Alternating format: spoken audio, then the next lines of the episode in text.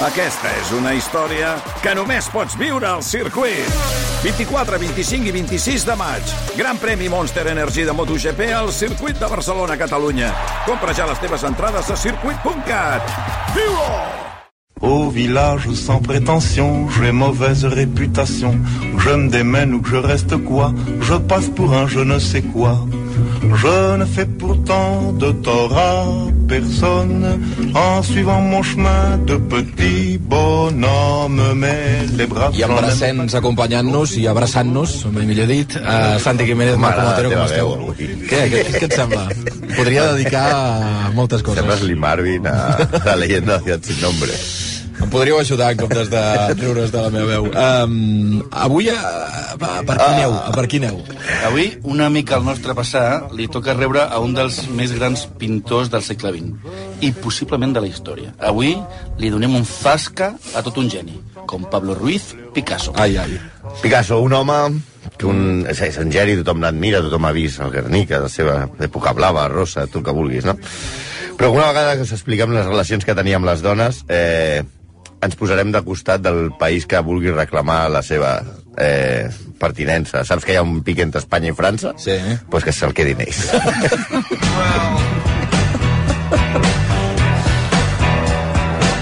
Some people try to pick up girls and get called asshole. This never happened to Pablo El seu problema eren faldilles o no? Sí, sí. Picasso va tenir romansos amb moltes dones. Deixant de banda rotllets i tal, va, van comptar fins a 13, 13 relacions serioses. I totes van ser anul·lades pel geni.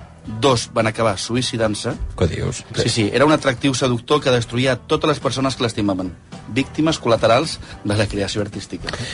Ell, ell era o s'enamorava eh, molt, era, estimava molt i després passava a, a utilitzar, a odiar. Realment el que s'estimava era ell mateix, no? No podia ser d'una altra manera, estem parlant d'una persona que es passava el dia en pilotes per casa i en calçotets, veieu aquestes, Aquestes- aquestes fotos. aquestes fotos d'ell, Sí. allà sempre amb el bagajo curta. penjant, allà, Sí, sí, sí. calça curta, allà, Sí, tot sí. això, no?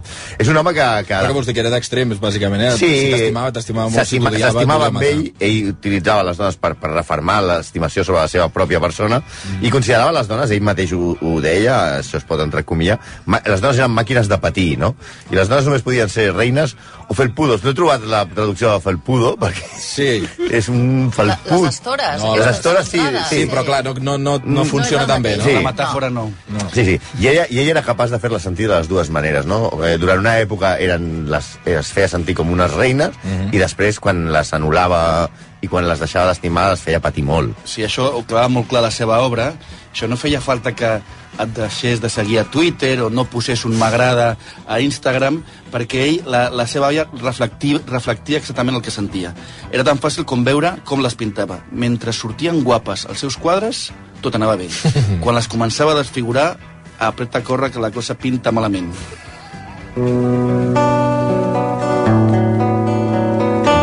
Aquesta és una cançó Sí. molt alegre, Molt, molt, molt, molt. es diu La cançó del suïcidi. Però, ma- ostres, Carai. Gloomy Sunday, Sí, de Sarah McLachlan. McLachlan. Però, escolta'm, eh, això que es diu de la bellesa picassiana i tot això, res, mentida, o sigui, bàsicament les, Això des, les deformava. les- Això només s'aprecia pel Magí. Ell, és, per exemple, quan hi ha una, un retrat de Dora Maar, eh, que és una que ara parlarem d'ella, que quan li comença a pintar desfigurant-li la al principi la pinta eh, dintre del, del seu cubisme i de tot, la pinta bé, però hi ha un moment que l'odia tant que la comença a pintar amb la cara desfigurada i la cara trencada dintre de, la, de les seves pintures, no? Una de les seves primeres amants va ser, eh, i era una de les de que va tenir quan ell no era conegut i no era ric, era la model Fernando Olivier, que va ser una noia que va, va, va pujar a la seva guardia de París a que la pintés, la va pintar i després la va estirar i es va, i, sí. i va seguir, no? Ella havia de posseir a les seves models, també deia això. Ell, ell- ella va inspirar el quadre, famós quadre, les senyoretes d'Avinyó, no? Mm. I gran part de l'època rosa. Les èpoques de pintura de Picasso eh, podrien, es diuen per colors, però es podrien dir per noms. Cada, cada, cada model inspirava una, una de les èpoques Cada que ha. musa, per entendre'ns, Sí, i, en- I amb ella ja va deixar anar que era molt gelós. Era tan gelós amb Fernando Olivier que fins i tot quan ell sortia de casa li robava les sabates perquè no pogués sortir al carrer. Oh. Perquè era o mia o de nadie. Sí, Diguem-ne que el perfil de Picasso en l'actualitat seria el del El maltractador. maltractador. Mm. Sí, van viure junts 7 anys, però sembla que amb ell van pocs, perquè quan es va fer ric, finalment, i famós, la va deixar i es va enamorar d'Eva Guel i la va deixar sense un duro, i es va negar a ajudar-la. Va malviure i va passar innombrables penalitats, i anys després, i en l'ànim de treure alguna cosa, la pobra, la pobra Fernand va començar a escriure la vida de Picasso en un diari belga, Le Soir, i ell, la va, amb els advocats, va prohibir que, que es publiqués, encara que ella al finalment ho va aconseguir publicar al, al Mercure de France. Sí, la- l'any 1900 1956, finalment, Fernand ja sorda, artrítica, eh, víctima de la mà de vida, l'absenta i de totes aquestes coses que es feien a, al París d'aquells anys, eh, va estar a punt de morir i Picasso li va al final donar una suma de diners molt modesta, una, una pensió, amb la condició de que mai més escrigués res sobre ell. Un home molt generós. si Molt, podem molt, dir. molt, quin, molt, molt. quin pàjaro. Eh, eh, estan casat amb Olga Koklova, que per cert també va acabar dement i desquiciada, primer un matricomि, matrimoni, després una ordre religiosa, Sí, bàsicament un senyor que destruïa persones, eh? destruïa persones. I aquí va conèixer, aleshores va conèixer a Thérèse, que tenia 17 anys. Ja sé que pensareu, home, 17 anys comparat amb, amb Chaplin Sí, i amb Machado, això no és res. S'enamorava de, non- de nenes de set, no? Exacte, això ja és una gran ni que diuen el porno, però no, en aquell moment era, era il·legal. Però per poder veure-la de- d'amagat, la va internar a un campament de nenes al costat de casa seva, on estiuejava, per veure-la per veure cada, cada dia. I va dir que li donava morbo veure-la envol- envoltada de tanta joventut. Sempre acabem al mateix lloc, eh? Sí, sí. Sí, en el fons sempre la qüestió de titoles, eh? El sàdic era un gran sàdic amb les dones. A ell li agra... ell, amb la amb Olga Koklova i Maria Teresa, que ell una era la seva dona i l'altra la seva amant, Mhm. Eh, quan un té un amant intenta que no coincideixi amb la seva dona. Bueno, una qüestió, bàsicament, de, de, De protecció. De, de, de, de, d'instint de protecció Sí. propi. Pues no, Picasso era al revés. Picasso li agradava fer-les coincidir, que es trobessin a casa. Ah. Perquè li, el que li agradava era que muntessin escenes barallant-se per ell i ell le- les mirava i s'ho passava bé. En el, en el llibre d'Antonio Dolano, que va ser un periodista espanyol, que ja és mort, que va ser un íntim amic de, de Picasso, que va escriure el llibre Les mujeres de Picasso. Si busqueu a la, a, la, a la llista de llibres sobre Picasso, veureu que tots es diuen més o menys Les mujeres de Picasso, Picasso i les mujeres, Mujeres i Picasso, Picasso i les i fèmines... Sí, bàsicament, la majoria de llibres van de dones i Picasso, ¿no? Li, li expliquen aquest llibre de las mujeres de Picasso hablando y dice, me gusta este hacer, hacer este tipo de cabronadas porque son como las travesuras que hacía de niño. I es referia a juntar les seves amants en una mateixa Perquè habitació. barallessin. Sí, Sí, exacte. ja tenia raó. Maria, la, la mare de Pablo Picasso, abans de la boda li va dir a Olga, pobre muchacha, no sabes dónde te vas a meter. No creo que haya una sola mujer que pueda ser feliz con mi hijo. I si això ho diu la teva mare... Al final va deixar la, a Olga Koklova, que era, era Olga Koklova era una ballarina d'un d'un ballet rus, ballet rus que, per cert, eh, Picasso la va conèixer perquè va fer els decorats del, de, la, la, Dels escenaris. dels escenaris que li havien encarregat a Juan Gris però ell va, va, fer, va fer córrer que Juan Gris estava molt gran i que no podia pintar-ho i que ja s'encarregava ell. Fantàstic. També un altre, un altre tio, que d'això parlarem amb, eh, davant amb els diners. La relació amb Maria Terès eh, no va ser llarga. Van tenir una filla que li van posar Maya, que es va fer bastant famosa, sobretot perquè ell mai va voler reconèixer la paternitat de Maya, no? Picasso eh, va abandonar a, a, a Maria Terès, però sempre la va tenir a prop, no? La, la, la va absorbir molt, no? Tant és així que eh, ell, durant tota la seva vida, i després de tenir altres relacions, sempre anava a casa, com explica Paula Izquierdo en el seu llibre Picasso i les mujeres, tornem-hi, manté que Picasso va de seguir visitant-la perquè li tallés les ungles i el cabell. Era la, la única persona que li podia tallar les ungles i el cabell. Mm, En el llibre expliquen que tenia por a la bruixeria i que poguessin fer-li vudú amb, amb les restes de, del seu cos, no? I perquè això ella li tallava les ungles i les guardava en petites bosses. Ja es veia que aquesta senyora molt bé no estava i quan Picasso va morir ella va decidir que la seva vida no tenia sentit i es va suïcidar a la casa de Picasso. Va anar a la casa i es va suïcidar. Sí, sí, amb ella la, va deixar per la fotògrafa Dora Maar, que, que va acabar també en un manicomi. Vinga, un altre. Ostres, tu, de debò, eh? Però la relació més llarga que va tenir la va tenir amb Jacqueline Rock.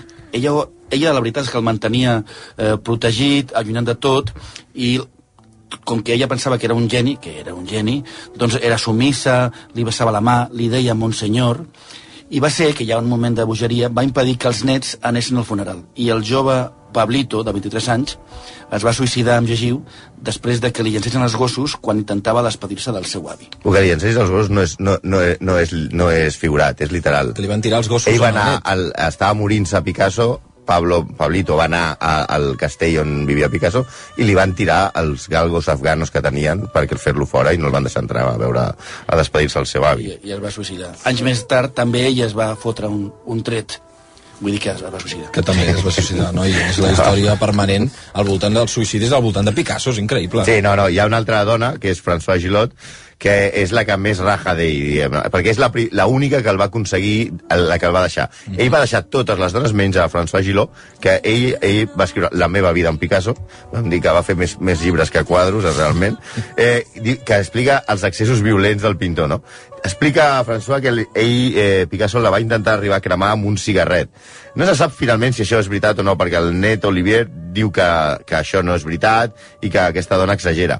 Però en tot cas, sembla que Picasso li va dir no és una bona idea que et cremi la cara amb un cigarret, després de tot, potser algun dia vulgui tornar a mirar-te.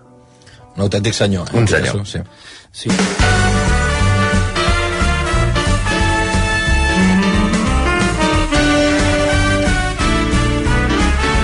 En tot cas, era un senyor que era molt ric. Molt ric. Però era un garrepa de manual. Sí? Sí, sí, sí. La seva fortuna... Llavors és més d'aquí que de França, vols dir que no? Això sí, en, en aquest sentit sí.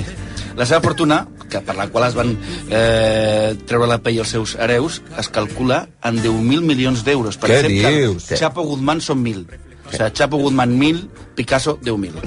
Eh, i, però tenia grandíssims traumes per, per gastar. El seu net, Olivier, aquest que parlava abans el Santi, diu que els hi va ensenyar moltes coses i una d'elles era que calia ser ric i viure com un pobre.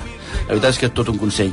La seva neta Marina eh, explica en el seu llibre El meu avi, que està una mica, que és una mica un llibre una mica rancuniós, que tot i ser milionari es va negar a pagar-li els estudis universitaris. Sí, amb un altre gran gest d'humanitat, també, per exemple, en ple Nuig, explica que el seu avi li va dir a, a Marina no sortiràs mai a les meves pintures i mai no existiràs. No seràs ningú. Després de l'avi de Heidi no hi ha hagut un avi tan maco com el, de, com el Picasso com a avi, no? Sí, un altre exemple és a les memòries de Rafael Alberti, la- l'Arboleda perdida, en què el Picasso el maltracta Alberti, el menysprea, l'humilia, i com que sap que vol un dibuix o una assignatura, especula amb ell per fer-lo sentir eh, miserable. I eren amics, o sigui, rotllo Rossell i la porta, eh? Sí, Picasso sempre va dir que no havia conegut a ningú més pesat que Rafael Alberti.